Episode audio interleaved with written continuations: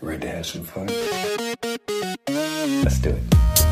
Hoi allemaal en welkom bij weer een nieuwe aflevering van De Makers. Ik ben Diede Vonk, zangeres en actrice. En sinds ik ook zelfstandig muziek en theater ben gaan maken, merkte ik net als veel van mijn collega-makers dat ik tegen een aantal dingen aanliep. Vragen als hoe krijg je je werk aan de man? Hoe hou ik mezelf productief? En wat doe ik als ik even geen inspiratie heb? Daarom ben ik deze podcast begonnen, waarin ik elke week een inspirerende maker interview en vraag om tips. Vandaag spreek ik Marloes de Vries en ik kan gewoon niet anders zeggen, maar wat weer een fijn gesprek. Marloes is illustrator, schrijver, maar past ook weer niet helemaal in een hokje. Het belangrijkste voor haar is verhalen vertellen op welke manier dan ook.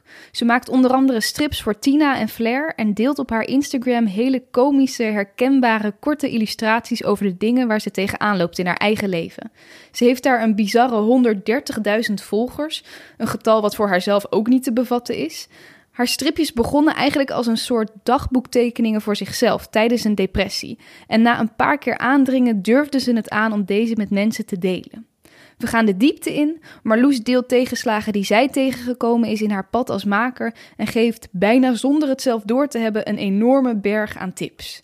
Er zijn weinig dingen die we niet besproken hebben en voor mij ook weer een hele fijne ontmoeting met iemand die ik zeker blijf volgen en vast nog vaker tegen zal komen.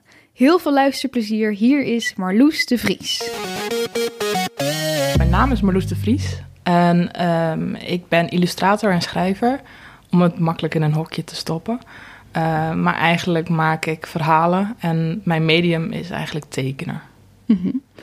Ja, dus je zei om het makkelijk in een hokje te stoppen. Ja. Welk hokje zou je eigenlijk in willen zitten? Of Ja, niet. nee? Niet in een hokje. Maar eh, het is voor mensen gewoon makkelijk als ze je vragen van... ja, wat doe je voor werk? Dat je dan gewoon meteen kunt zeggen van... ja, ik doe dat, dat. En dan moet het wel eh, vakgebieden zijn die mensen snappen. Ja. Dus dat je meteen zegt van illustrator, dat snappen ze vaak nog wel. Schrijver snappen ze ook. Ja, precies. En eh, ja, ik doe heel veel dingen. En of dat nou in een boekvorm is of een tijdschrift of... maakt allemaal niet zoveel uit. En waar zullen de meeste mensen jou van kennen? Poeh. Ehm, eh, ik maak een eh, strip in de Tina. Een Tina is een meisjesblad, dus dat is wel een specifieke doelgroep van eh 8 tot 13, 14 jaar ongeveer. Ehm, ik maak een cartoon voor de Flair. En eh, toch de meeste mensen kennen me denk ik van Instagram. Ja, dat ook, is als ook belangrijk. ja, dat is wel. eh, Ik gebruik Instagram meer als een ehm, outlet voor mezelf, voor mijn werk. eh, om de dingen die ik graag wil vertellen, om, die post ik daarop. Om Mhm. ze de wereld in te gooien. Ja, dus niet het werk wat je per se in opdracht doet, maar het Nee. werk wat jij interessant vindt. Nee, alles eigenlijk wat ik op Instagram post, dat is eh, eigenlijk nooit werk en opdracht. Heel af en toe laat ik zien wat ik dan in opdracht doe. Omdat ik dan hoop van, ik hoop dat opdrachtgevers dat zien. Mhm. En dat ik daar een klus uit haal of zo. Maar nee, het is vooral iets wat ik gewoon zelf wil vertellen. En dat gooi ik zo de wereld in. Ja. Slinger, slinger ik de wereld in. Daar gaan we het zo allemaal nog eh, veel meer over hebben. Eh, ik las, jij hebt eh, visuele communicatie gestudeerd. ja. Visual communication. ja. En nou ja, nog best wel breed. En dat, je, dat daar docenten tegen jou zeiden... ja, jij kan niet tekenen Nee, eigenlijk. ik kon niet tekenen. Nee. Wat, wat, wat heeft dat toen met jou gedaan? Nou, ik was, ik was vrij jong toen ik op de kunstacademie kwam. Ik denk 18, net Mhm. naar de middelbare school.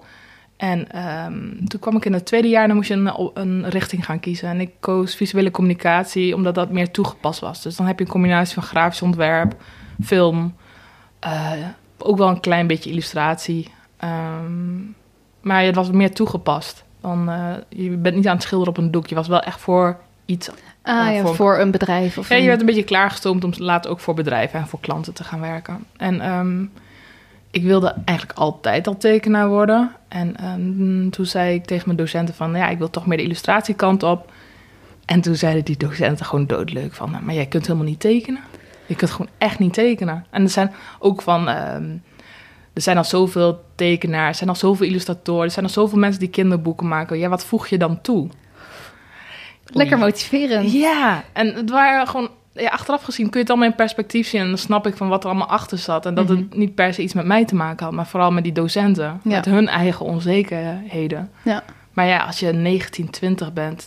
Ja, ik was toen nog heel jong Mhm. en bleu. En ik, ik, Ja, dan neem je ook aan wat je docenten zeggen. Denk ja, als een 50-jarige man tegen je zegt van... eh, nee, dat moet je niet doen. Ga maar lekker grafisch ontwerp doen, want tekenen kun je niet. Dan denk je als 20-jarige wel van... nou, hij is de expert, dus dat, dat zal dan wel. Dus ehm, ja, ik nam dat ad- advies toen ter harte. En ik wil niet zeggen dat dat verkeerd was, want ik ben na, na grafisch ontwerper geworden. En ik heb heel lang gedacht toen ik naar illustratie overschakelde van... Oh, wat jammer dat ik die jaren als grafisch ontwerper zo mijn jaar daaraan heb verspeeld. Maar nu zie ik dat helemaal niet zo. Ik zie het wel echt... ehm, het heeft me wel heel erg gevormd als eh, illustrator. En wat ik nu doe en hoe ik de dingen doe... Dan ben ik heel dankbaar voor die grafische achtergrond. Dus toen was het heel erg kut, als ik dat zo mag zeggen. Ehm, dat die docenten zo kritisch waren en eigenlijk me een andere richting opduwden dan ik wilde. En achteraf gezien zeg ik van, oh, wat ben ik ze eigenlijk dankbaar, die rotzakken. Goed. ja. Wat goed dat je daar iets moois van, een goede spin aan hebt kunnen geven. Want Ja. je, bent, nou, je bent dus toen inderdaad grafisch ontwerper geworden, eh, fotograaf, nog allerlei andere dingen gedaan. Ja. Hoe heb je dan toch op een gegeven moment gedacht, ja nee, ik moet toch eigenlijk die illustratiekant op? Nou, ehm, ik was dus grafisch geweest bij wat reclamebureaus. En ik merkte van, ja, ik vind dat creatieve aspect heel fijn. Maar de vorm, ik, dat, dat wrong iets. Dat, dat, dat klopte niet. Dus ik heb toen ontslag genomen, terwijl ik best een goede baan had. En ehm, toen dacht ik van, ja, wat ga ik dan nu doen? En toen ben ik heel snel gaan freelancen, omdat wat oudere opdrachtgevers kwamen van, ja, wil je dan voor ons gaan freelancen? Nou ja, ingeschreven bij de KVK, ben ik dat gewoon gaan doen. Ook wel fijn, want als grafisch ontwerper kun je een redelijk uurtarief vragen. Dus dat is, dat is allemaal wel mooi stabiel. Maar ik dacht wel van, ja, maar ik wilde ooit illustrator worden. Waar, waar is dat dan gebleven? Wat ben ik nu weer aan het doen? Want ik nam ontslag omdat ik dacht van, ik wil weer terug naar dat pad waar ik op hoor. Ja. En toen ging je toch weer... Ja, binnen een week zat ik al bij de KVK aan tafel. Denk van, ja, maar nee, dit was toch, dit was niet wat, dit was niet de bedoeling. en ik wil een sabbatical nemen, weet je wel, wat je dan gewoon Mhm. na een tijdje. Iedereen heeft wel zo'n periode van, ja, ik mo- moet nu mijn hoofd helemaal leeg hebben en ik moet terug, ik moet ontdekken wat ik dan wil. En dat had ik helemaal niet gedaan. Ik was meteen weer na een week ingerold eh, in de opdrachten. En, Ook uit een soort angst van, ja, Ja, ga ik genoeg geld verdienen? Absoluut, Ja. ja. Ja, want die angst zit bij mij heel diep ingehamerd. Ik kom uit een heel ja, Drents arbeidersgezin.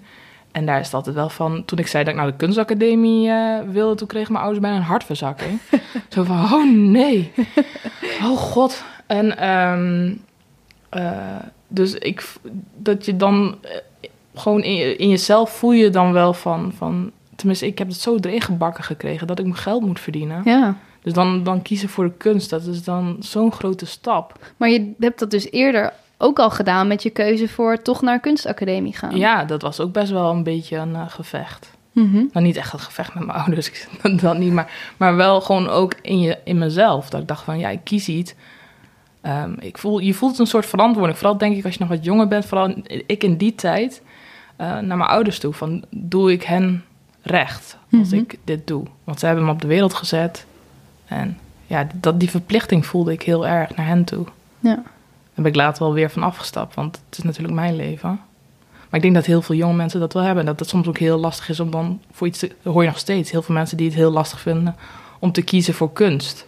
Zeker, dat het nog steeds een ding is, hè? Ja. En als je, ze dan, als je daar diep op ingaat bij ze, dan is het meestal van ja, die verantwoording ook naar hun ouders. Dat ze Mhm. toch hun ouders trots willen maken. Ik denk dat Ja. heel veel kinderen dat willen.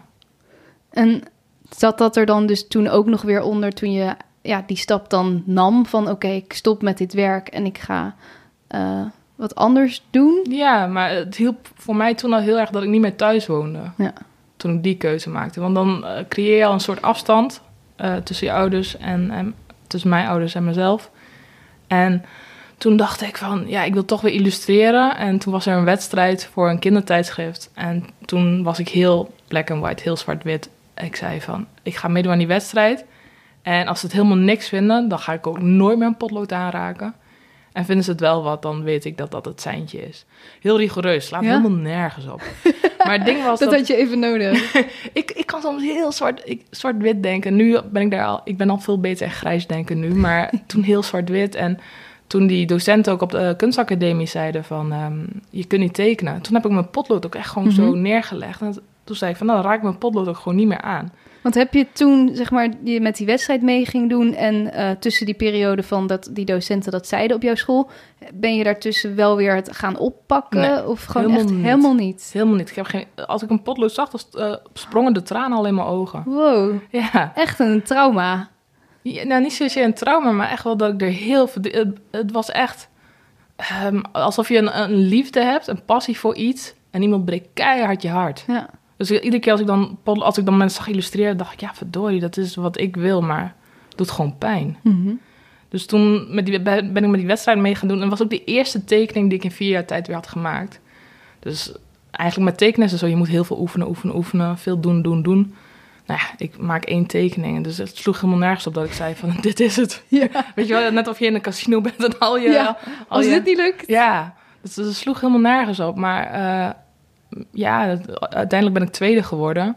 En dat is, dat is mijn favoriete plek, want ik word niet graag eerste, want dan moet je op een podium. dus, ehm, in, die wedstrijd ben ik tweede geworden. En toen was ik zo blij mee. En toen dacht ik van, oké, dan is dit het seintje dat ik nu eh, moet weer gaan tekenen.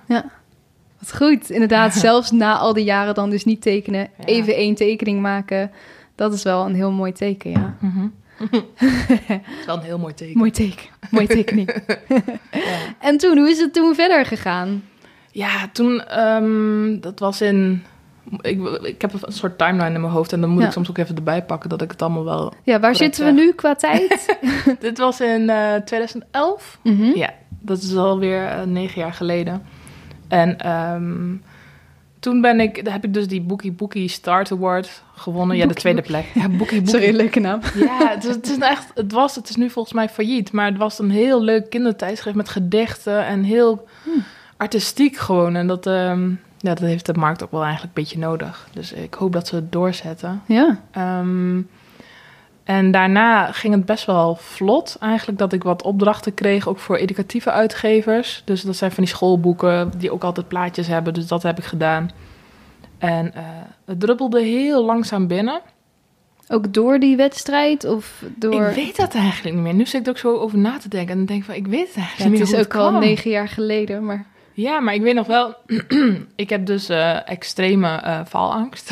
nou, extreem. Laat ik niet zeggen. Ik heb, ik heb faalangst. Dus ik vind het heel eng om eh, nee te horen. Dus als ik iemand bel of mail en die zeggen van... Nee, ja, we vinden het niks. Dan, nu kan ik daar beter mee omgaan. Maar toen vond ik dat best wel erg. En dan was een soort bevestiging van mij... net of ik die docenten weer hoorde van... Nee, Precies. zie je wel, je kunt het niet. Ja. En ehm, dus ik weet niet meer hoe ik dat heb gedaan. Hoe ik eigenlijk, ik vermoed dat ze dat, omdat er toen wel wat pers bij was, dat ze hebben oh, die is tweede geworden. Oh, ik woonde toen nog in het noorden en ik werd toen door Noordhof uitgegeven. Die zaten toen volgens mij nog in Groningen. Dus toen is dat balletje een beetje zo gaan rollen. En daarnaast deed ik nog wel grafisch ontwerp om toch rekeningen te kunnen betalen. Ehm, dus ik had een soort mix. Ik deed meer grafisch dan illustratie. En dat probeerde ik steeds meer zo te schroeven dat ik steeds meer illustratie ging doen. ja.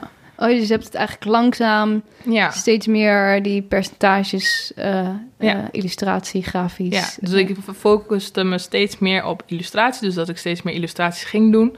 Zodat ik grafisch ontwerp kon afbouwen. Ja. Maar ik moet zeggen dat grafisch ontwerp, dat is, was gewoon stabieler. Ik had al eh, connecties en ik had al genetwerkt. En ehm, grafisch ontwerp stond verder van mij af dan illustratie. Dus op de een of andere manier kon ik dat beter verkopen. Want ik verkocht niks van mezelf. Ik verkocht gewoon mijn skill, mijn vaardigheid. ja. Dus dat was voor mij veel makkelijker. En ook misschien dan minder heftig als je een keer een afwijzing krijgt, Precies. want dan wordt niet Ja. jij afgewezen. Dat boeide me geen zak. Nee. Dat had ik zoiets van, ja, het is gewoon mijn werk. Maakt helemaal niet uit. Dus eh, ehm, als ik te veel vloek, ik gooi nog wat nee hoor, dat mag er. hier allemaal op de podcast. Maar ehm, ik gooi wat woorden en denk, oh, dat mag ik misschien zeggen. Nee. Maar ehm, ja, dat voelde niet zo persoonlijk. Dus daar had ik veel meer vrede mee als mensen zeiden van... ja, sorry, het past niet bij ons. En dat, eh, als ik nu terugdenk, denk ik van... eigenlijk is, zijn me wat dat betreft best wel veel opdrachtgevers komen aanwaaien. Daar sta ik nu pas bij stil.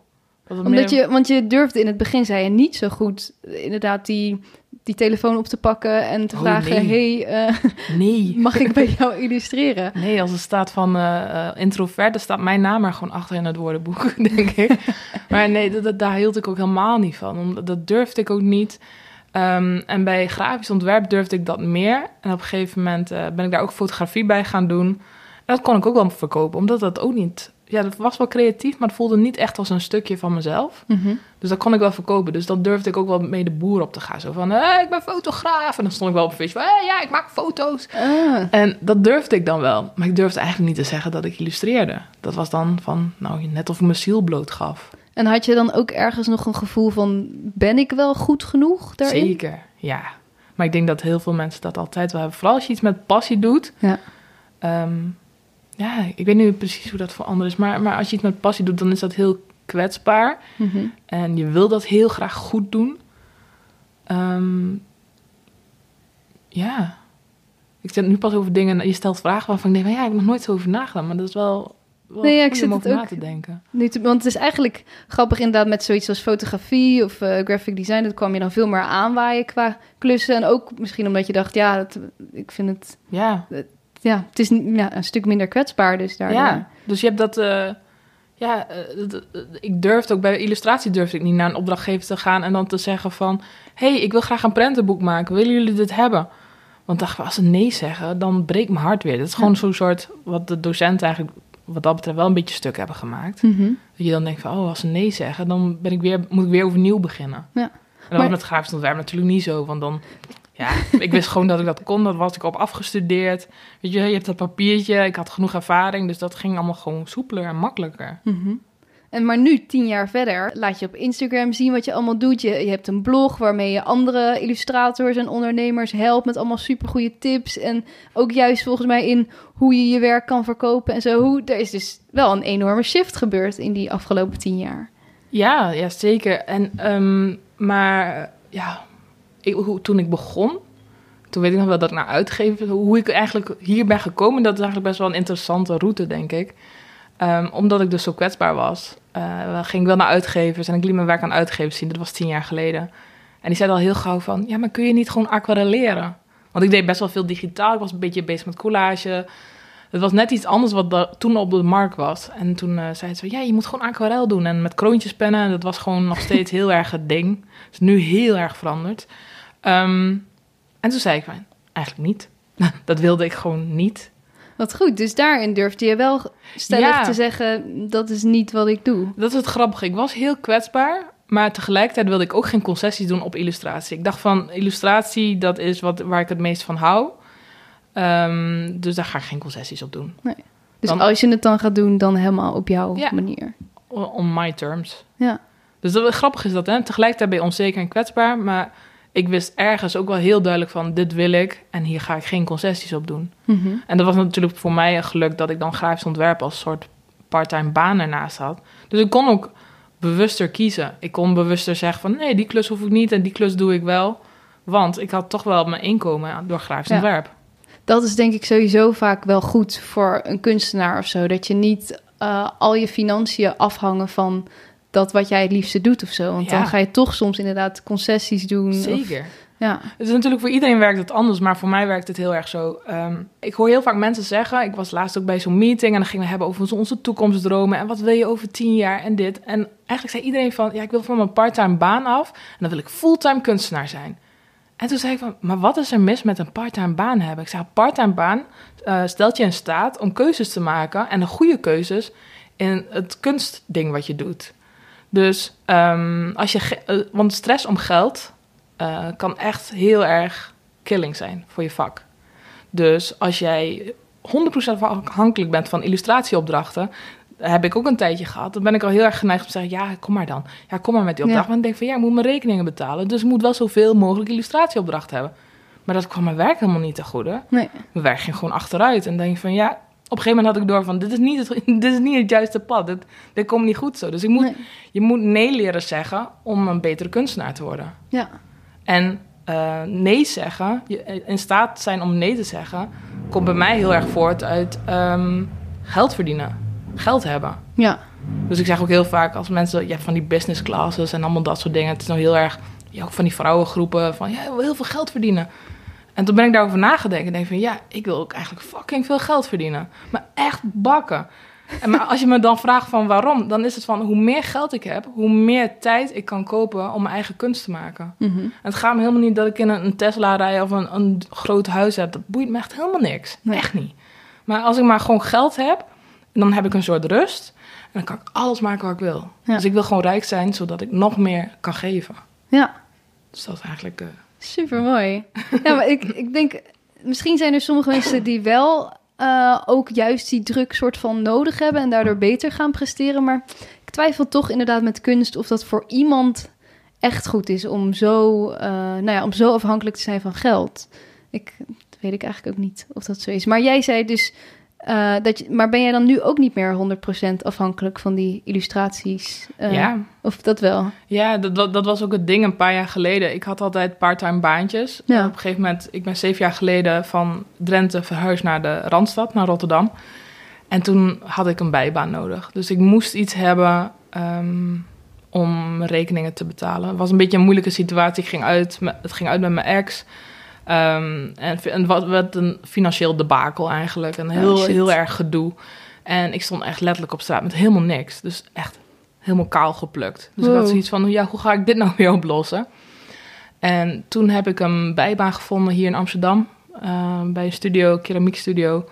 En daar werkte ik een paar dagen per week. En daarnaast deed ik mijn illustratieopdracht nog steeds. Dus in plaats van dat ik grafisch ontwerp deed... want dat kon ik er wel bij doen en dat deed ik af en toe ook wel...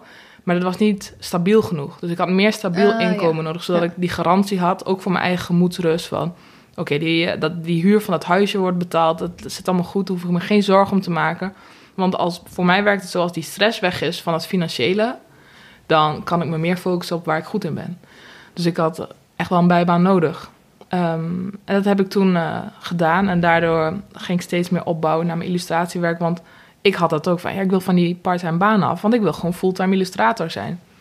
Ehm, en toen na een tijdje kreeg ik een bijbaan in een Rotterdamse studio. Dan heb ik dat genomen, want dat was natuurlijk een fietsafstand. Mhm. In plaats van naar Amsterdam elke dag. Nou, niet elke dag, maar af en toe. Kon ik naar Rotterdam fietsen. En op een gegeven moment merkte ik dat ik steeds meer opdrachten kreeg. Dus het ging steeds meer lopen, mijn eigen illustratieding. En toen dacht ik van...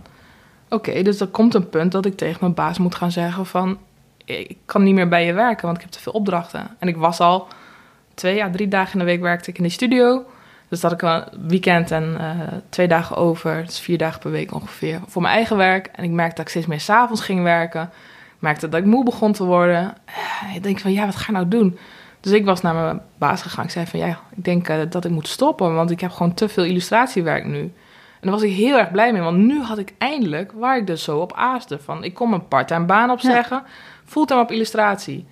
Maar toch kwam weer zo'n soort paniekmodus in mijn lijf. Dat ik denk van, ja, maar nu ben ik dus weer afhankelijk van alles wat ik zelf moet binnenhengelen. Ja, Dus daarom zeg ik heel vaak tegen mensen: een parttime baan is eigenlijk best wel relaxed, want je hoeft niet te hengelen naar opdrachten. Ehm, en ik had genoeg illustratieopdrachten, maar ik merkte op een gegeven moment wel van: hey, het zijn niet altijd de opdrachten die ik per se wil. Dus ik moest daar, het heeft mij best wel lang geduurd zodat ik daar een goede balans in had van wa- wat wil ik nou wel en wat wil ik nou niet.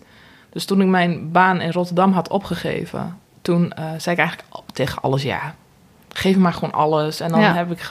Want wat dat betreft zit dat arbeidersgezinnetje nog steeds gewoon heel erg krampachtig in mijn hoofd. Zo van ja, je moet wel geld verdienen. ja toch weer even die paniek als je dan iets Ja. vasts opzegt. Ja. ja. Ehm, ja. Dus eh, ja, dat was voor mij best wel even worstelen. Van, eh, en toen ben ik workshops daarnaast gaan geven op illustratiegebied. Want dan had ik toch weer een soort stabiel inkomen.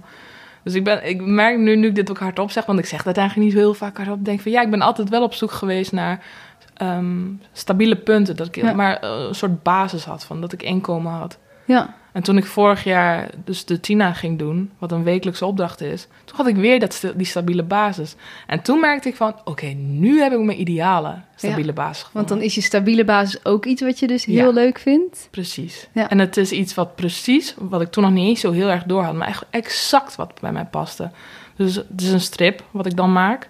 Eh, ik doe het schrijfwerk, dus ik schrijf het scenario, ik schrijf de dialogen, ik doe het schetswerk en dan werk ik het uit. Ik doe de kleuren en alles. Dat hele creatieve Ja, proces. is het hele proces. Dus niet gewoon, soms heb je ook als je als illustrator werkt soms voor een tijdschrift en dan krijg je een lab tekst van een journalist, maak daar een plaatje bij. En niet dat ik dat niet leuk vind, want dat vind ik heel erg tof. Maar toen ik een strip ging doen, dacht ik van, oh, maar dit is, dit is wat ik hoor te doen. Ja. En toen viel het een beetje op zijn plek. Dus dit is nu ideaal. Ik heb een, een wekelijkse strip, een, een stabiele basis en ik doe exact wat ik eigenlijk moet doen. Maar dat heeft natuurlijk wel, ook voor illustratoren die misschien nu eh, een paar jaar bezig zijn, best wel wat jaren geduurd voordat je die precieze balans hebt gevoel, ge, ge, ge- hoe zeg ik dat? Die, ja, voordat je die precieze balans hebt gevonden. Toch? Ja, dat heeft bij mij.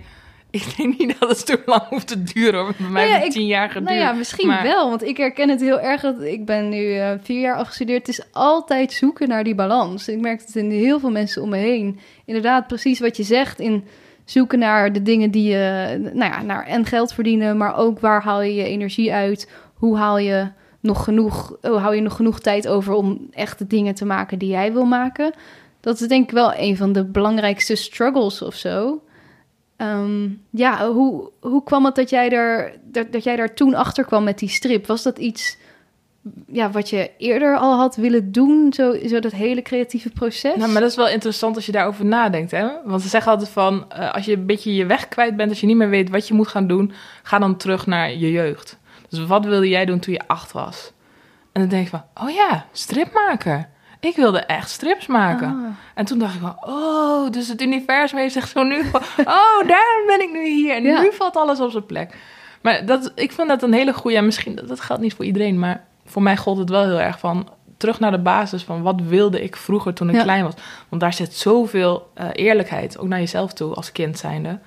Ehm, terwijl je als je ouder wordt, ga je jezelf dingen wijsmaken. Ja, maar ik moet een goede baan en ja, ik moet wel een auto en ja, ik moet wel een huis. En Ja, kan Nou, ik dat- dit wel? Of, eh, ik moet wel een keer op vakantie. En Ja. zelfs dat, dat soort dingen zijn, omdat je dat, je laat je dan zo leiden door je omgeving, eh, dat dat je deels vormt. Maar als je dat helemaal als een soort ui weer uitkleedt en dan weer terug naar de kern gaat van, maar, maar wie ben jij en wat wil jij maken? mhm. Ja, dat helpt mij heel erg om te zeggen, ja, wat wilde ik toen ik acht was? Ja. En ehm, ja, Dat was dat toen. ja, dat was gewoon strips maken. En want ben je toen eh, ja, echt direct gaan zoeken naar eh, waar kan ik strips maken en hoe kan ik dat maken? Of Nee. hoe zijn ze bij jou gekomen? Nee, dat is ook echt bij mij. eh, waar- wat ik net nog wilde zeggen, van ik heb er dus tien jaar over gedaan. Ik weet niet of jij dat ook wel eens hebt, maar dan zie je mensen die net afgestudeerd zijn en dan meteen, oh, ze hebben een agentschap en ze hebben dit en ze hebben grote opdrachten. En dan denk ik van, huh? Denk ik maar, huh? Ik ben tien jaar bezig ja. en ik, ik heb dat nog niet eens. En dan, je, je vergelijkt je altijd met de beste van de klas. Ja, En niet eens als ze bij je in de klas hebben gezeten, maar echt de beste van de groep. En dan denk van, oh, maar blijkbaar ben ik dus niet zo goed. Mhm. Maar als ik dan nu terugkijk, als ik dan tegen zeg maar 25-jarigen mag zeggen van... eh, ja, weet je, je doet het op je eigen tempo. Ehm, als ik direct na mijn afstuderen had gehad wat ik nu heb... had ik het A, niet zo gewaardeerd. En B, ik had het waarschijnlijk helemaal niet kunnen handelen. Want ik had die jaren, ik heb die tien jaar ook nodig gehad. Kijk, je bent niet alleen maker, je bent ook mens. Dus ik heb in die tien jaar ook heel veel tijd nodig gehad... om me te ontwikkelen als mens. Van wie ben ik? Mhm. wat wil ik? En ik denk niet voor alle makers, maar wel voor heel veel kunstenaars, makers, maakt niet uit. Als je weet wie je bent, kun je maken wat je wilt. Ja. Dus zolang je niet weet wie je bent, is het gewoon heel erg lastig om je pad daarin te vinden. En je merkt het ook als ik naar anderen kijk nu. Ik kan aan het werk van anderen zien of ze zichzelf al hebben gevonden. Ja.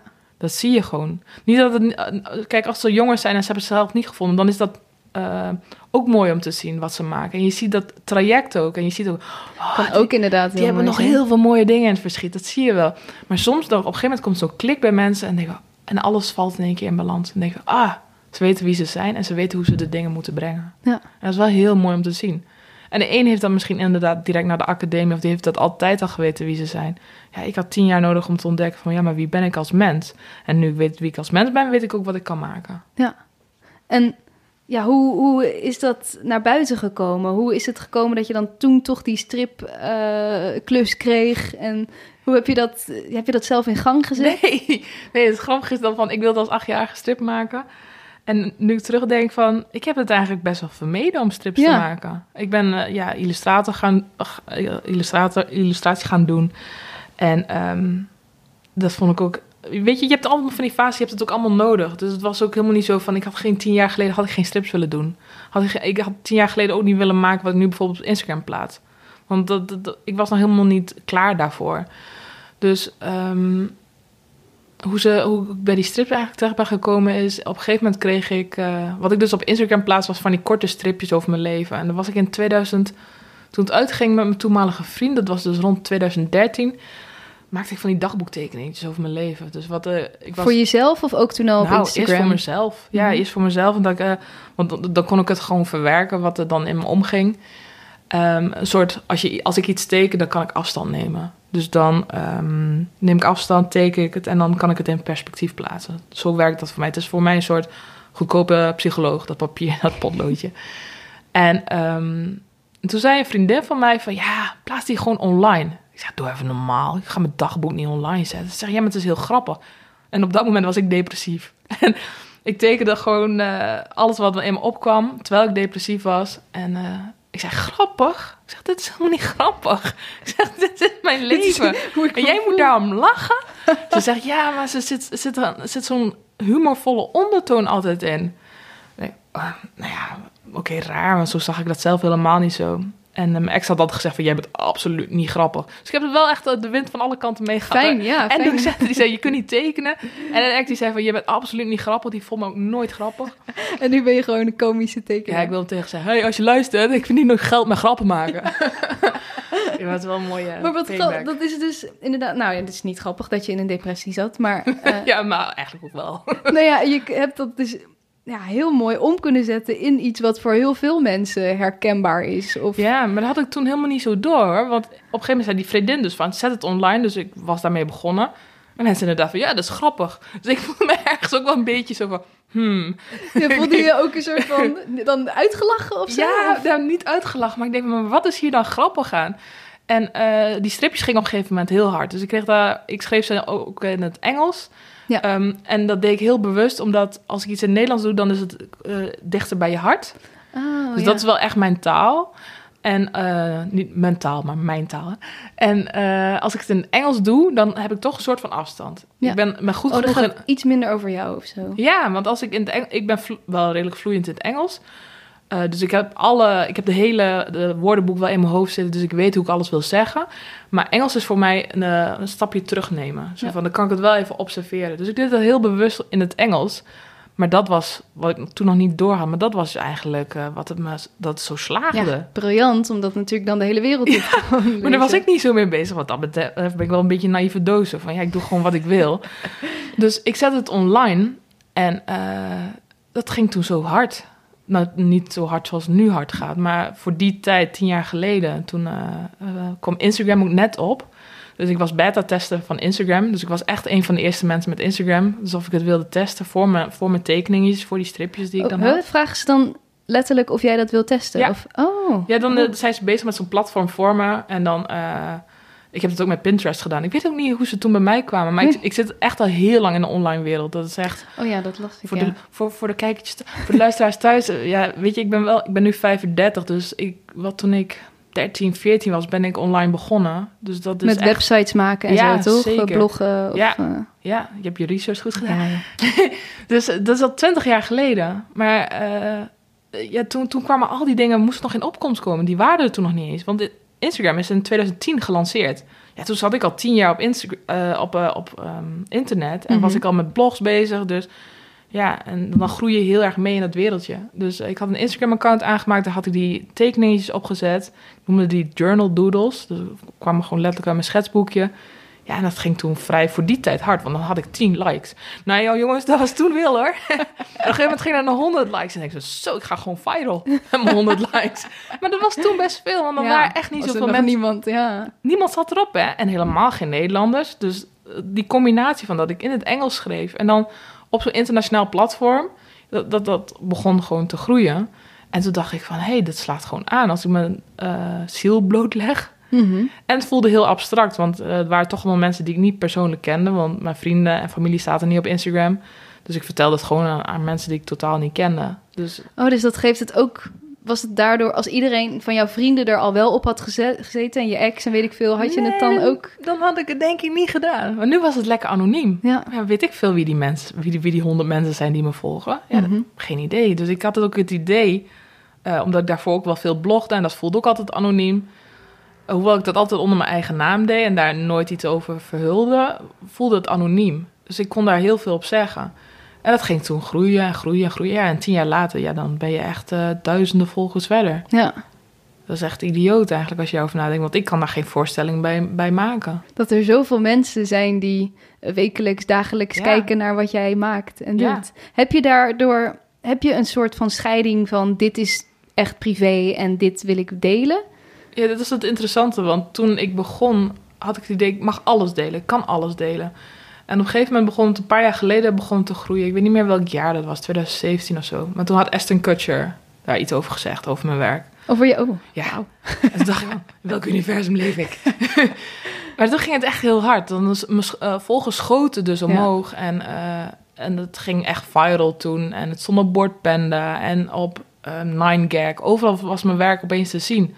En dat, dat is heel raar, want dan het is, het is ik ook in die stripjes.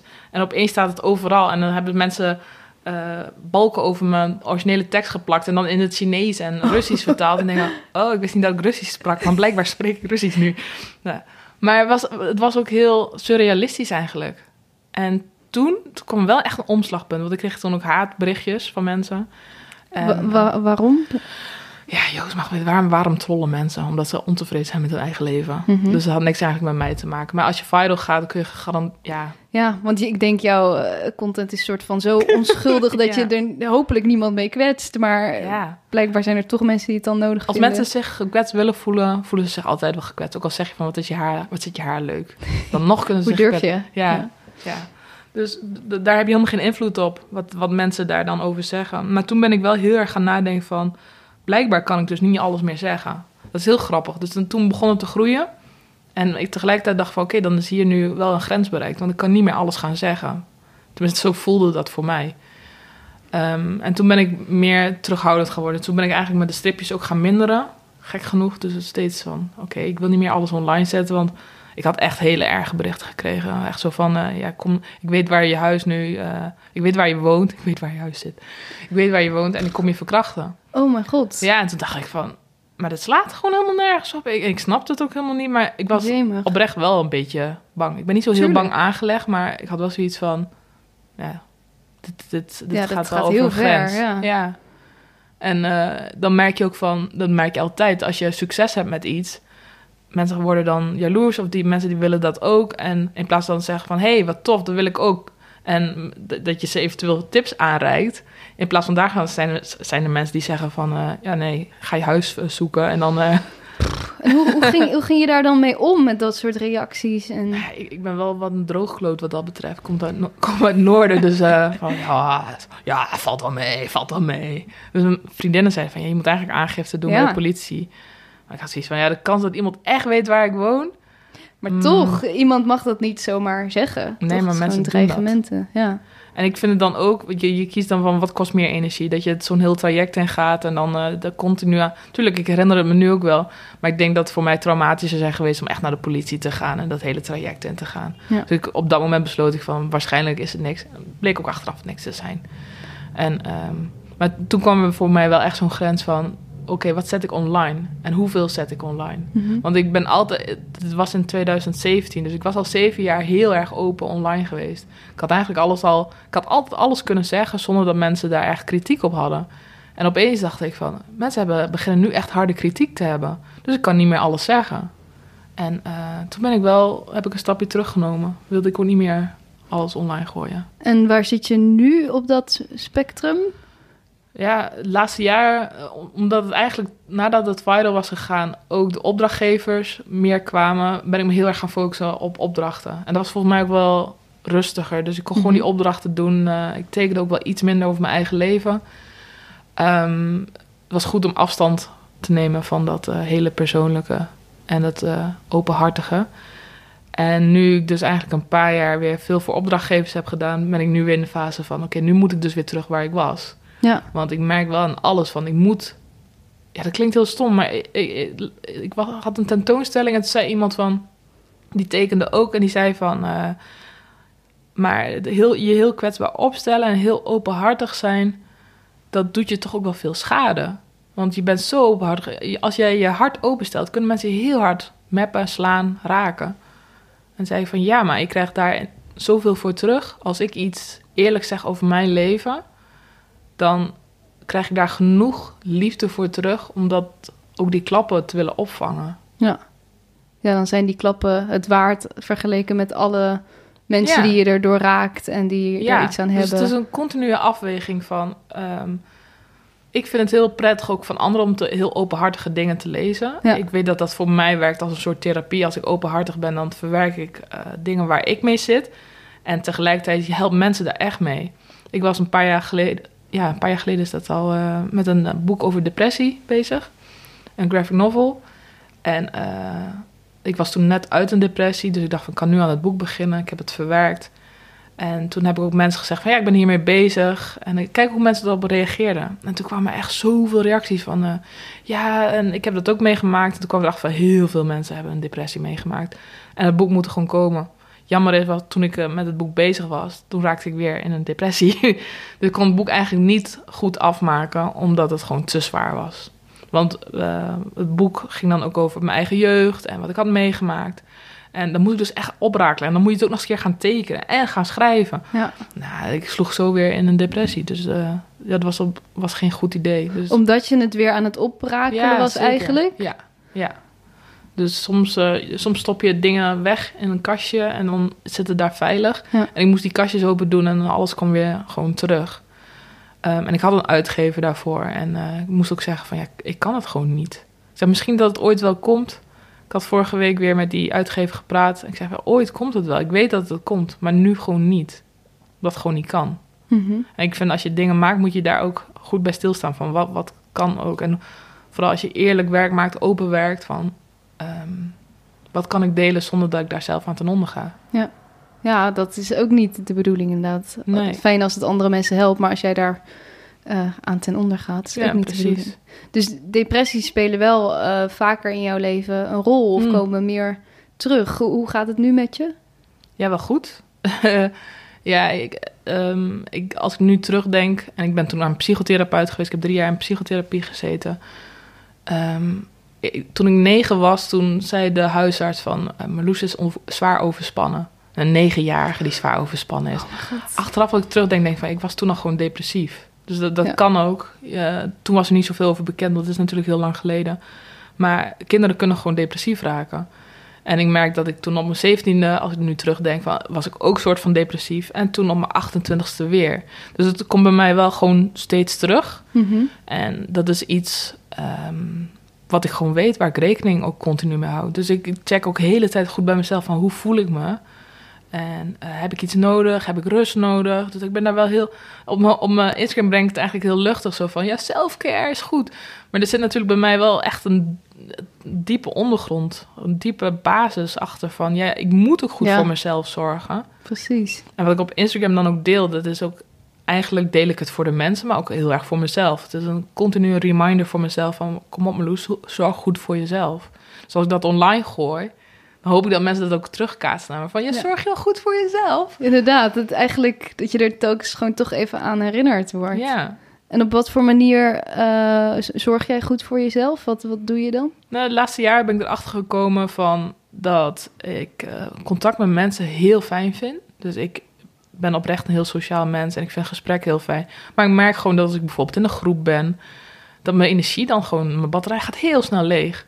En vroeger stap ik daar heel snel overheen. Ik denk van, ah, kom op, niet zo aanstellen. En kan ook nog wel een avond uit. En het kan allemaal wel. Weet je, het ging keihard over mijn grenzen.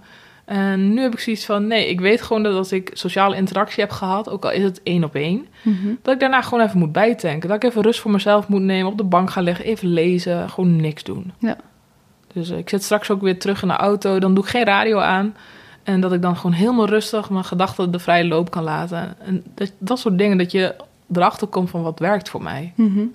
Dat is ook een hele goede. Even geen radio aan of zo. Want dan word je Ja. ook weer. Ik merk soms dat ik zo elk stil moment probeer op te vullen met een podcast, met een weet ik veel, inderdaad radiogesprek. eh en als je dan s'avonds in bed ligt, dat er dan blijkt dat je nog heel veel moet verwerken. Is wel een hele goede, ik, om gewoon gedurende je dag, zeker na zo'n, we hebben nu een gesprek, eh, dat je dan even alvast die tijd neemt voor jezelf om dat te verwerken. Ja, en ik merkte voor mezelf, ik deed dat ook, dat ik elk moment aan het opvullen was. En ook als ik bijvoorbeeld, eh, toen ik net naar Rotterdam was verhuisd, zat ik helemaal niet lekker in mijn vel. En toen merkte ik dat ik elke minuut van de dag ook echt, echt aan het opvullen was. Ook met sociale contacten, elke avond naar de stad. En nu, als ik daar naar terugkijk, denk ik van ja, dat had ik denk ik niet helemaal nodig. Aan de ene kant ook wel, maar aan de andere kant denk ik van ik wou dat ik iets meer rust had genomen. Want het was gewoon te hectisch. Ja, maar dat is gewoon een soort trial and error. Ja, Van, van wat werkt Ook die voor mij. balans zoeken. Ja, dus daar heb ik die tien jaar voor nodig gehad. Om een beetje achter te komen. Oh ja, hoe, hoe hou ik dit allemaal in balans? En, Ja. ja. ik ben eigenlijk nooit zo bezig geweest met van wat heb ik nodig. Als kind zijn ben ik ook niet zo opgevoed. Het was meer van eh, wat kun je voor een ander doen. Dus dat zit bij mij heel erg in de basis. Wat kan ik voor een ander doen? En ik ging daar gewoon heel ver in. Want ik ging niet meer checken van maar wat kan ik voor mezelf doen? Ja. En, en de laatste jaren ben ik meer bezig van ja, wat heb ik nodig? Wat kan ik voor mezelf doen? Mhm. Ja, en als, als ik dan tegen vrienden, bijvoorbeeld, ik ga niet meer naar verjaardagsfeestjes. Oh, omdat Dus- je gewoon merkt hier... eh, kan ik niks mee. Nee. Dan zit je op zo'n feestje en het is heel druk. En de jarige is natuurlijk al helemaal... Ik snap niet eens waar mensen feestjes geven. Want je bent alleen maar aan het rennen met hapjes en met drankjes. Helemaal niet leuk lijkt me. Maar eh, dan is het zo hectisch. En ik, ik merk dan dat ik in een groep ook geen connectie makkelijk kan vinden met iemand. Want ik ga dan in een hoekje observeren. Wat op zich niet zo erg is. Maar daar kan ik niet zoveel mee. Dus ik zeg vaak tegen de jarig van... eh, mag ik je later trakteren op koffie en taartje? Dat we dan samen met z'n tweeën praten. Is vaak ook veel leuker, vind ik. Ja, misschien heb ik hele goede vrienden, maar niemand heeft ooit gezegd van, nou, dat vind ik een stom idee. Ja. Eigenlijk zegt iedereen van, oh ja, nou, vind ik ook wel fijn. Ja, Goed. ik denk als jij die grenzen durft aan te geven, dat mensen dan ook veel meer merken van, oh, dat, dat, dat mag dus blijkbaar. Ik mag Ja. gewoon zeggen dat dit even niet goed is voor mij of zo. Ja, en zelfs vrienden die zeggen van, oh ja, zo kan dat natuurlijk ook. Ja. En net zoals we hebben, eh, ja, de- met feestdagen. Dat mensen zeggen van, eh, ik had daar iets over gepost op Instagram en dat iemand zei van, eh, ja, maar ik heb verplichtingen. En toen zei ik tegen haar van, ja, maar verplichtingen zijn wel dingen, dat is eigenlijk sociale druk van buitenaf die je jezelf dan weer oplegt, hè? Wie heeft dat bedacht? En- Ja, ja. En toen zei ik van, maar een verplichting is echt wat je jezelf oplegt. Vooral rond de feestdagen. En toen keek ze me zo... Ja, toen kreeg ik zoiets van terug, zo van... ehm, ik weet niet meer wat ze zei. Van, ja, maar zo voelt dat toch niet voor mij. En dat kan ik aan de ene kant... Ik snap dat, dat dat niet zo voelt. Mhm. Ehm, want je wil je ouders niet teleurstellen. Je wil je familie niet teleurstellen. Maar er is altijd wel een soort common ground wat je dan kunt vinden. Dus Ja. wel een gulden middenweg vaak wel. Ja, en je hebt dus zelf wel die controle. Mensen voelen zich vaak, denk ik, alsof ze die controle niet hebben, maar... Maar ik denk dat ze daar Ja. wel gefrustreerd raken. Ik denk dat heel veel mensen gestrest en gefrustreerd zijn, omdat ze ook gewoon hun grenzen niet aangeven. Zoals met kerst. Eh, mijn vriend en ik vieren tweede kerstdag samen. En de eerste kerstdag gaat hij naar zijn familie en ik naar mijn familie. Dus wij zitten niet bij elkaars familie. Nee. Maar dat geeft zoveel rust. Dat je niet van hot naar her, Ja. van, van Brabant naar Drenthe en overal heen moet rijden. Ja, Maar dat is een gulden middenweg. En dan, iedereen is daar op zich wel content mee. Dus dan is dat gewoon goed. En hoe zit dat bijvoorbeeld met social media? We hadden het er net al over. Je hebt een hele grote following. En eh, voel je daar ook die druk om aanwezig te zijn? Hoe kan je dat daar loslaten?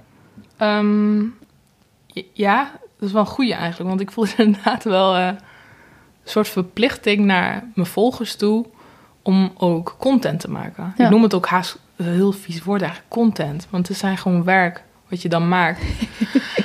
Inhoud, ja, er is ook geen goed Nederlands woord voor. Maar dat is, dat is, dat is wel heel gek, want eh, ik maak wel eens vrij werk. eh, en dat is dan meer persoonlijk. En dan, is het, dan betrap ik mezelf erop dat ik het in een vierkantje bedenk. en dat ik denk van, zorg er voor genoeg engagement, genoeg interactie. Dan denk ik van, oh, waar ben je nou mee bezig? Slaat helemaal nergens op. Dus Maar het is toch nodig, deze tijd. ja, maar ik vind het wel heel lastig van. Want ik merk dat mijn hoofd dan een beetje doorslaat van... oh ja, dan moet alles in een vierkantje kunnen en zo. Maar dat is echt bizar als je dan denkt van... omdat ik een beeldmaker ben... dat je dan denkt van... oh ja, het moet in een vierkantje passen. Ja, Slaat nergens op. dat je Wie- jezelf al zo in een hokje stopt eigenlijk. Moet We je hadden het voorstellen- begin over hokjes. Al- Als de, als de planeet over 100 jaar nog bestaat... en daar van uitgaan... maar dat ze dan denken van... oh, al die werkjes van die kunstenaars zijn in vierkantjes. Dat ze dan Dat achterkomt... was oh, toen een stijl. Ja, maar dat ze dan zo, oh ja, dat was natuurlijk social media. Maar dat, Ja. dat slaat helemaal nergens op natuurlijk.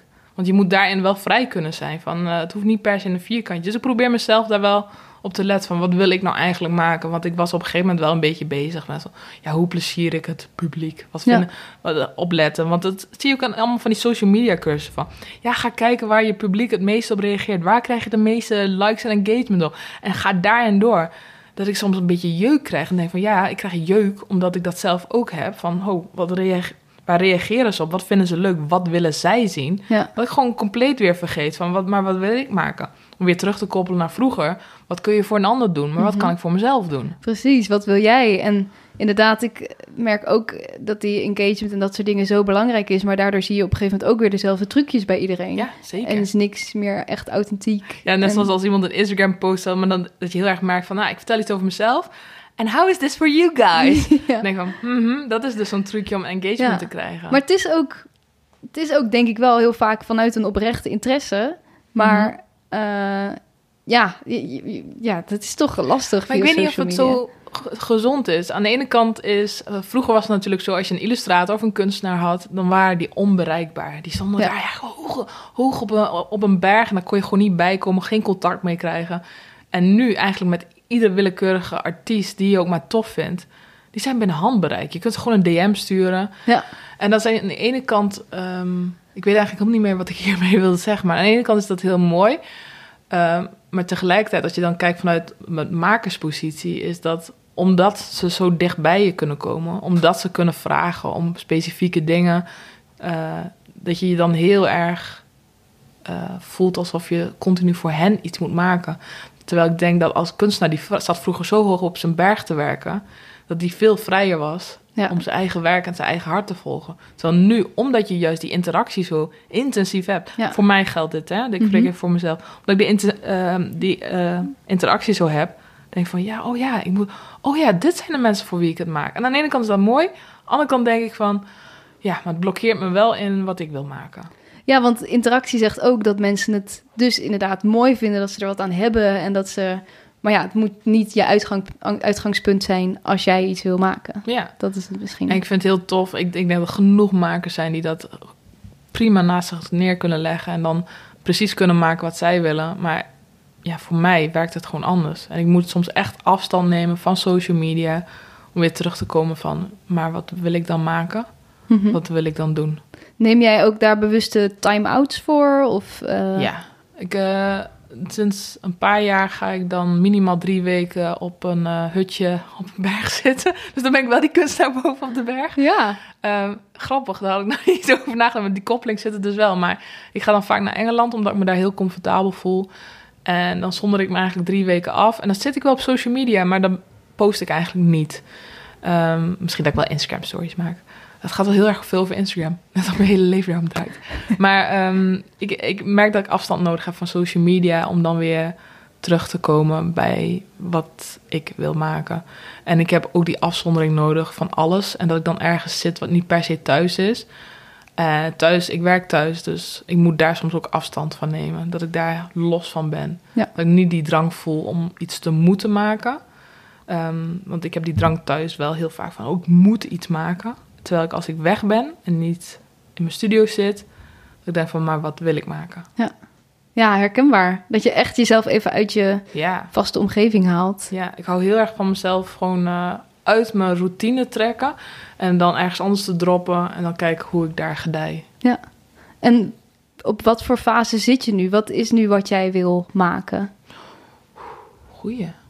Ehm, nou, ik had om, dat is ook weer zo stom, omdat dit mijn tienjarig jubileum is, ben ik echt wel gaan nadenken van, oké, ik doe dit dus al tien jaar. En normaal ben ik helemaal niet zo van New Year's resolutions of goede voornemens, helemaal niet. Maar eh, eh, het was wel echt dat ik denk van, ik doe dit nu tien jaar. En wat heb ik in die tien jaar eigenlijk bereikt? En heb ik me, eh, de dingen gedaan die ik wilde doen? Dus ik was laatst voor mezelf aan het opschrijven. Ik had in mijn notitieboekje gezet van, oké, wat wilde ik tien jaar geleden doen? Dat was, ik wilde illustreren en ik wilde daarvoor betaald worden. En ik wilde mijn eigen verhalen de wereld in hebben. Dus op zich, die, dat eerste punt is wel echt, ja, dat is wel waar geworden. Maar het tweede punt, dat lijkt misschien zo van dat ik dat nu wel heel erg aan het doen ben. Maar niet op de manier dat ik het eigenlijk had bedoeld. En ik wilde eigenlijk, dat heb ik altijd gewild, gewoon echt verhalen maken, boeken maken. Ik hou heel erg van boekvorm. Dus als je me vraagt wat mijn favoriete vorm is, dat is echt boek. Ja. Ik weet niet waarom, maar dat, daar word ik gewoon warm van binnen. Dan krijg ik zo'n wolkje in mijn buik. een boek vind ik heel fijn. En ehm, het doel was eigenlijk altijd van dat ik boeken zou gaan maken met mijn verhalen. En dat maakt niet uit of dat nou een kinderboek is, prentenboek, of wat ik heel graag wil, is een non-fictieboek schrijven voor volwassenen. Ehm, maar het is wel altijd in boekvorm en altijd met plaatjes, altijd met tekst. Dus die mooie mengeling van woorden en beeld. En heb ik dat bereikt en dan dacht ik van nee, Dat heb ik nog steeds niet gedaan zo in de vorm dat ik wil doen. Mhm. Dus ik heb wel een stripboek uitgegeven vorig jaar. eh, met die stripjes, die, die, da- die dagboekstripjes. Dat kwam al in een buurt. En toen dacht ik van oké, en dat smaakte naar meer. Toen dacht ik van oké, dit is een kleine opstapje. En nu moet ik verder. En dat is wel goed dat je dan dat tien jaar heb gehad. En dat ik nu denk van oké, ik ben nu tien jaar bezig. En dan wil ik nu de zeilen weer bij gaan zetten om weer op mijn eigen pad te komen. En hoe ga, je, hoe ga je dat doen? Gaat het, ja. Nou, ik ben echt, ik ben dan heel erg, ik kan dan soms een beetje doorslaan. En dan denk ik oké, dan ga ik helemaal een business classes volgen. Want ik wilde, wat ik eerder al zei, van ik wil eigenlijk eh, veel geld verdienen. En eh, dat veel geld verdienen, dat komt dus puur omdat als ik geld verdien, dan kan, heb ik de ruimte om te maken wat ik wil maken. Eh, en als je een beetje bekend bent met boeken, dat betaalt helemaal niks, hè. Als je een boek maakt voor een auteur of illustrator, dat verdient in Nederland sowieso helemaal geen drol. Hm. Dus elk boek wat je maakt hier in Nederland is een passieproject. Ja. Ik, het zijn vast illustratoren die wel goed verdienen hoor. Ik ken er een paar. Maar voor het grote gros is het eigenlijk... eh, je maakt een boek omdat je het graag wil, denk ik. Want voor het geld hoef je het echt niet te doen. Ehm, dus daar wil ik goed over nadenken. En dan denk ik van, maar ja, dan moet ik dus wel iets anders vinden... waardoor ik geld verdien. Als ik die boeken wil maken, moet ik wel geld verdienen. Ja. Dus daar ben ik nu heel erg, heb ik me dan heel erg echt gestort. Dus ik heb eh, echt een business class eh, van een eh, paar maanden gevolgd over kunstenaars. Cultuur en ondernemen heet het. Dus dat is een business class voor, voor ehm, kunstenaars. En ehm, ik heb nu, ben momenteel ook een workshop online aan het volgen over hoe je kunst maakt dat dan ook verkoopt. Mhm. Ehm, en ik heb me echt, ik heb zoveel boeken gelezen de afgelopen weken. Slaat helemaal nergens op. Ook over business en ondernemen. Ja, vooral ook over ondernemen, maar ook ehm, hoe je je pad volgt. Allemaal van die self-development, hoe noem je dat? Mhm. Ja, zelfontwikkeling. Ja. eh, Dat soort boeken. Echt heel veel. En ehm, dat doe ik dan heel vaak. Dan stort ik me ergens helemaal in en dan wil ik er alles over weten. En niet dat nou per se heel veel helpt. Ja, dat vind ik met dat soort dingen altijd lastig. Want ik heb dat soms ook, dat ik daar helemaal in ga. Maar dan vind ik het vaak wel moeilijk om concreet te benoemen... van wat heb ik hier nu aan gehad... en wat ga ik inzetten in mijn eigen werk of zo. Ja, en dat heb ik met heel veel boeken. Dan denk ik van, als ik nou ook terugdenk aan alle boeken die ik nou heb gelezen, dan haal ik dan één zin uit en denk van, zo, dus ik heb net 500 pagina's gelezen. Ja, voor als, iemand, als je het dan moet samenvatten voor iemand... is het nou eh, ongeveer dit. Doe wat, wat je ingeeft. Dat is eigenlijk altijd wel de boodschap. Maar ook met die workshops. Want je hebt een paar inderdaad workshops genoemd. Ehm, wat geeft dat jou? Nou ja, ik probeer nu wel heel erg zo van, ik ga daar heel eh, onbevangen in. En dan zeg ik altijd van, ja, ik haal gewoon uit wat voor mij werkt. Ja. En ik probeer gewoon goed te luisteren. En ik haal er altijd wel iets uit. En ik merk ook gewoon soms na een paar jaar, denk van, oh ja. Dan komt in één keer iets terug wat ik in een, andere, in een ander boek heb gelezen of in een workshop heb gehoord. Dus ik denk dat ik er altijd wel iets aan heb. Misschien niet meteen, maar misschien wel na een tijdje, als het eh, wat eh, bezonken is. Ehm, maar ik denk niet dat het heel veel helpt dat ik me zo gigantisch hard erin gooi in al die boeken. Ja, het is wel. Het geeft me wel een soort rust om daar een boek over te lezen. Het boek is voor mij altijd een rustpunt. Dus erover lezen, een boek lezen, dat, dat helpt wel. Altijd wel. Gewoon woordjes op papier zien. Maar echt concreet, nou, Nee. dat denk ik. Ik heb wel één boek gelezen vorig jaar wat me qua productiviteit dus wel weer heel veel hielp. Welke was dat? Ehm, Grip van Rick Pastoor. Oké, ken ik niet. Ehm, en omdat ik vond dat ik niet heel productief was. Dus ik, ik had wel. Ik had wel een aantal uren per dag dat ik dan wilde werken, maar ik kreeg eigenlijk nooit iets gedaan wat ik wilde doen. Ja. Dus eh, dat boek heeft me wel meer structuur geboden. Maar nu zijn we een jaar verder en ik ben al de, gewoon al helemaal vergeten waar dat boek over ging. Gelukkig heb ik het gekocht, dus ik kan het nog een keer lezen. maar ja, ik heb ook een vriendin die, die hoefde maar één keer dat boek te lezen. En alles is blijven hangen en ze gaat nu als een tierenlier. Ben ik wel eens jaloers op. Maar als ik een boek lees, dan op dat moment denk ik... Oh ja, ja, dit is inspirerend. Ja, dat ga ik opschrijven. Nee, ik gooi dat boekje weg. Eh, ook het notitieboekje waar ik die Ja. notities in heb gemaakt. En ik raak het ook gewoon Het zo weer kwijt. Bij mij gaat heel Ja. vaak het ene oor in en het andere Ja, oor dat is uit. vaak zo met die boeken, denk ik. En waarom ook er zoveel verschillende boeken zijn over de verschillende soorten onderwerpen, maar ook een beetje over dezelfde thema's. Omdat het gaat er denk ik vooral om dat je het gaat toepassen. Dus je moet eigenlijk een soort van één boek hebben die jou het hele bijbel. leven leert. Daar ga je dan helemaal naar leven. Maar ja, je bent ook gewoon een mens. Maar er staat niet zo'n, zo'n, er bestaat geen boek dat echt perfect is. Dus Nee. ik denk, vooral als je sturing zoekt, dan ga je gewoon als een malle ga je al die boeken lezen. Ja. En dan hoop je daar soort van eh, één levenswijze uit te halen. Door, door al die Ja, een les die dan op dat moment met jou klikt of zo. Ja. Dat Dan, ja. Maar, maar het is gewoon heel lastig. Ja, bij mij, ik weet niet hoor. Ik, als ik dan andere mensen soms word ik een beetje jaloers als ik dan hoor van... Ja, ik heb dat boek gelezen en dat heeft voor mij echt mijn ogen geopend. En dan krijg je soms van die vragen van andere mensen. Oh, welk boek was echt, wat, wat voor jou echt deuren heeft opengezet? En dan denk ik, ik kan me niet eens meer herinneren. Want ik weet gewoon echt niet meer wat allemaal in die, in die boeken stond. En daarom zeg ik na een tijdje denk ik van... Oh ja, volgens mij heb ik dit gelezen ergens. Maar het blijft mij echt niet zo, zo hangen. Dus ik ben wel eens jaloers op die mensen die dat zeggen.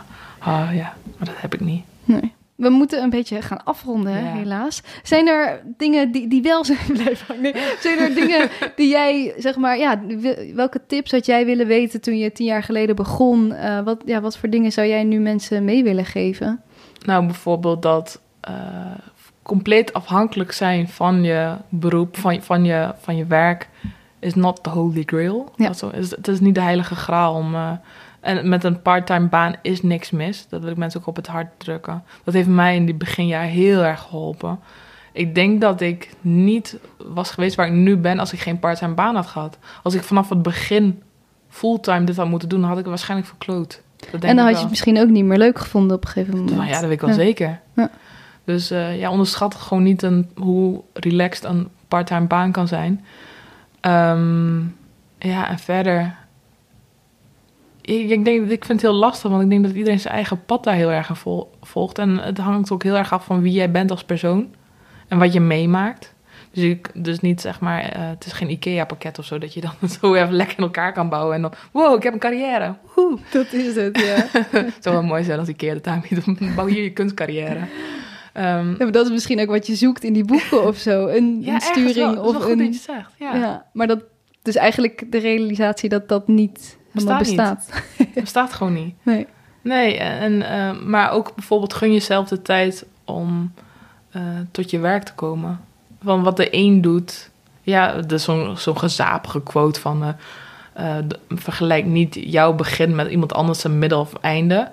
Dat vind ik wel een beetje gezapig, maar er zit wel een kern van waarheid ja, in. je ziet natuurlijk ook op social media en overal waar iemand is. Maar Ja. dat diegene is misschien al twintig jaar bezig. Ja, ja, precies dat. Mensen, als mensen mij dan net hebben ontdekt, dan zeggen ze van... eh, oh, wat tof, ik heb je net ontdekt. En ik ben wel benieuwd hoe je, dan, eh, hoe je dat dan zo snel voor elkaar hebt gekregen. Ik denk, snel?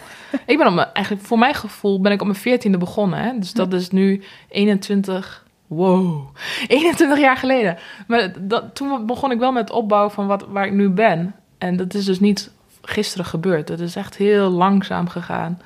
En, ehm, maar soms zijn er ook mensen, dus wat ik net al zei, die studeren af en dan meteen gaan ze als een raket. En dat gaat helemaal goed. Maar daar kun je zelf ook niet mee vergelijken. Want het heeft eh, succesvol zijn in wat je doet, heeft allereerst te maken met van wat voor eisen je zelf stelt aan je leven. Mhm. Of je succesvol bent of niet. Maar het hangt met zoveel dingen samen. Van waar je bent als persoon, hoe je je voelt, je omgeving en wat voor een situatie je je bevindt met vrienden en familie. Ja, dus er is geen one size fits all. Nee, dus iedereen heeft zijn eigen bouwpakketje nodig. Ja, en, en, oh, en dat wil ik ook gewoon van. En voor iedereen is er ruimte. Dat wordt ook niet vaak genoeg gezegd. Oh, dat is ook een goeie. Ja, dat, dat je denkt van. Ik heb dat zelf soms ook wel dat ik een collega zie en die doet dan iets wat ik heel graag had willen doen voor een bepaalde opdrachtgever. En denk, oh shit, dat had ik willen doen. Dat, dat was, was mijn job geweest. Eh, maar dan, eh, er is ruimte voor iedereen. En dus het is niet zo van bijvoorbeeld als jij, als iemand anders een plek inneemt, dat er geen plek meer voor jou is. Ja. Dat is juist ook weer mooi, van, omdat je allemaal zo anders bent en je eigen pad bewandelt, is er ook ruimte voor iedereen.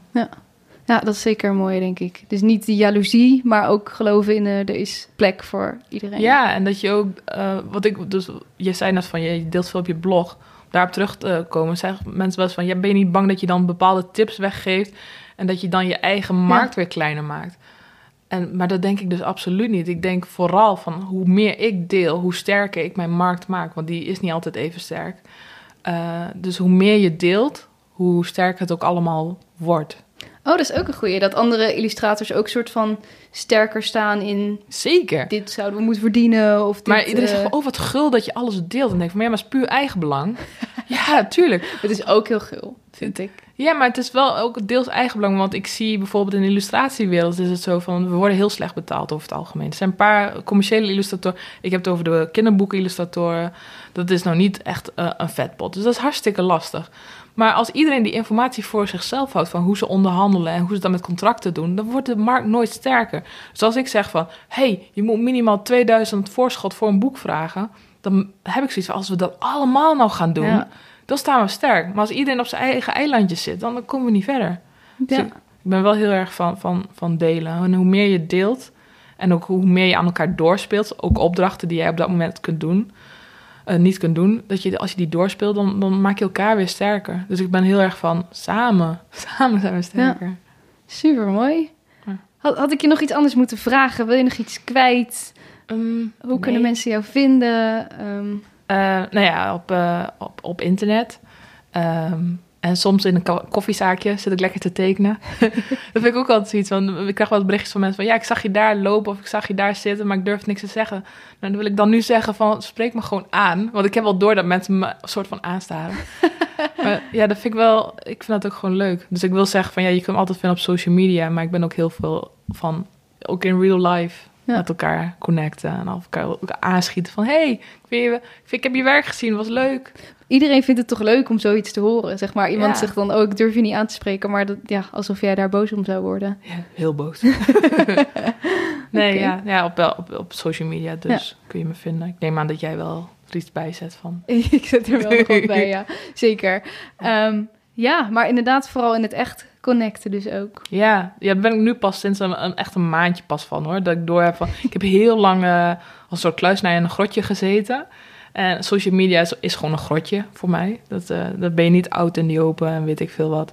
En nu ben ik meer zo van, oké, als ik naar buiten ga, dat is wel heel erg fijn. Echt, echt connectie met mensen hebben. Want dat heb je alleen maar als je elkaar in de ogen aankijkt. Top, dankjewel. Graag gedaan. Dat was hem. Mocht je het aankunnen, zou ik je aanraden misschien zelfs nog een keer te luisteren om alles mee te krijgen, want dit was natuurlijk weer een berg aan informatie. Marloes, ontzettend bedankt voor je openheid, je tijd en je gulheid in het delen van jouw kennis en jouw pad. Hier wat dingen die ik in ieder geval weer meeneem. 1. Veel van ons zijn opgevoed met het idee: wat kan je betekenen voor een ander? En vergeten daarom soms ook te kijken naar: wat kan ik betekenen voor mezelf? Wat heb ik nodig? Vaak voelen mensen zich alsof ze geen controle hebben, maar je hebt misschien meer in de hand dan je denkt. Moet je echt naar dat feestje? Moet je iets op een bepaalde manier maken of kan je je eigen pad bewandelen? 2. Dat wat we het allerliefste willen doet vaak ook het meeste pijn. Misschien is je in je jeugd verteld dat je iets niet kunt. Dat je maar gewoon moet doen en geld moet verdienen. Of er zijn allerlei andere redenen waarom je bang bent om te falen. Maar dat wat je misschien het liefst voor jezelf wilt houden, of dat waarvan het voelt alsof iemand op je hart stampt als je er kritiek op krijgt, is misschien juist wel hetgene wat je juist op moet zoeken. Voor jezelf om te durven falen en vol te kunnen leven en uiteindelijk dankbaar zijn dat je die sprong hebt durven wagen. Dus ook als je even niet meer weet wat je wilt, ga terug naar wat jij wilde als kind. Wat deed je het liefst toen je je nog niks aantrok van wat andere mensen vonden? 3. Er is niks mis met een parttime baan. Het klinkt ontzettend nobel om de kunstenaar te zijn die leeft voor zijn kunst op water en brood, maar de realiteit is gewoon dat dit voor veel mensen op het begin ontzettend veel financiële stress op zal leveren. Stress die je kunst niet ten goede zal komen. Met een parttime baan heb je stabiliteit en daarnaast de ruimte om zonder stress uit te zoeken wat het is dat jij wilt maken. Mocht dit ontzettend goed gaan lopen, kan je altijd die baan weer afzeggen. Maar je bent niet pas een geslaagd kunstenaar als je fulltime kunstenaar bent. 4. Gun jezelf de tijd. Sommige mensen weten direct na een opleiding of nog eerder al helemaal wie ze zijn en wat ze willen. Maar voor anderen kost dat wat meer tijd. We lopen allemaal ons eigen pad en er is niet één manier om te leven. Er is geen juist IKEA-bouwpakket van hoe het allemaal moet. Het is voor iedereen vallen en opstaan. Het is uitproberen en misschien wordt het soms allemaal onduidelijk en rommelig, maar dat hoort er allemaal bij. Zo, super mooie, waardevolle dingen. Voor mij in ieder geval. Ik denk dat ik ook toen ik net begon met freelancen en met deze podcast, dat ik dacht: er moet toch een manier of methode zijn hoe dat succesvol werkt. Ondernemen als creatieve maker. Maar hoe meer mensen ik spreek, hoe meer ik me realiseer dat er dus niet één gouden formule is. Zoals Marloes al zei, er is geen IKEA-bouwpakket. En dat is frustrerend, want wij mensen willen heel graag dat iemand ons vertelt hoe het allemaal moet. Maar dat bestaat niet. Dat doen we zelf. Ondanks dat zijn deze gesprekken toch voor mij altijd een reminder van hoe het allemaal kan. En een realisatie dat we allemaal door hetzelfde gaan en je er dus niet alleen voor staat. En natuurlijk zijn er ook een hoop praktische tips wel te volgen en te doen. Ook vond ik het mooi dat Marloes zichzelf niet gul vond, maar gewoon zoveel mogelijk met anderen wil delen. Zo zie ik het ook. Nou, dat was hem weer. Denk je nou dat iemand in jouw omgeving iets heeft aan dit gesprek? Deel het dan ook vooral. Dat helpt mij weer om meer mensen te bereiken. Dus dank voor het luisteren. Dank voor je kostbare tijd. Ik hoop dat je er wat aan hebt gehad en tot volgende week. Vond je dit een leuk gesprek? Abonneer je dan op de podcast en volg de Makers Podcast op Facebook en Instagram. Delen en reviewen is heel erg fijn en laat het me vooral weten als je nog gasten of vragen hebt die je graag wilt horen. Volgende week staat er weer een hele bijzondere, inspirerende gast voor je klaar. Deze podcast werd gemaakt door mij, Diede Vonk, en de muziek is van David Zwarts. Deze podcast kwam mede tot stand met steun van Stichting Norma. Ben jij uitvoerend kunstenaar en wordt jouw werk wel eens opgenomen en uitgezonden? Meld je dan aan bij Norma.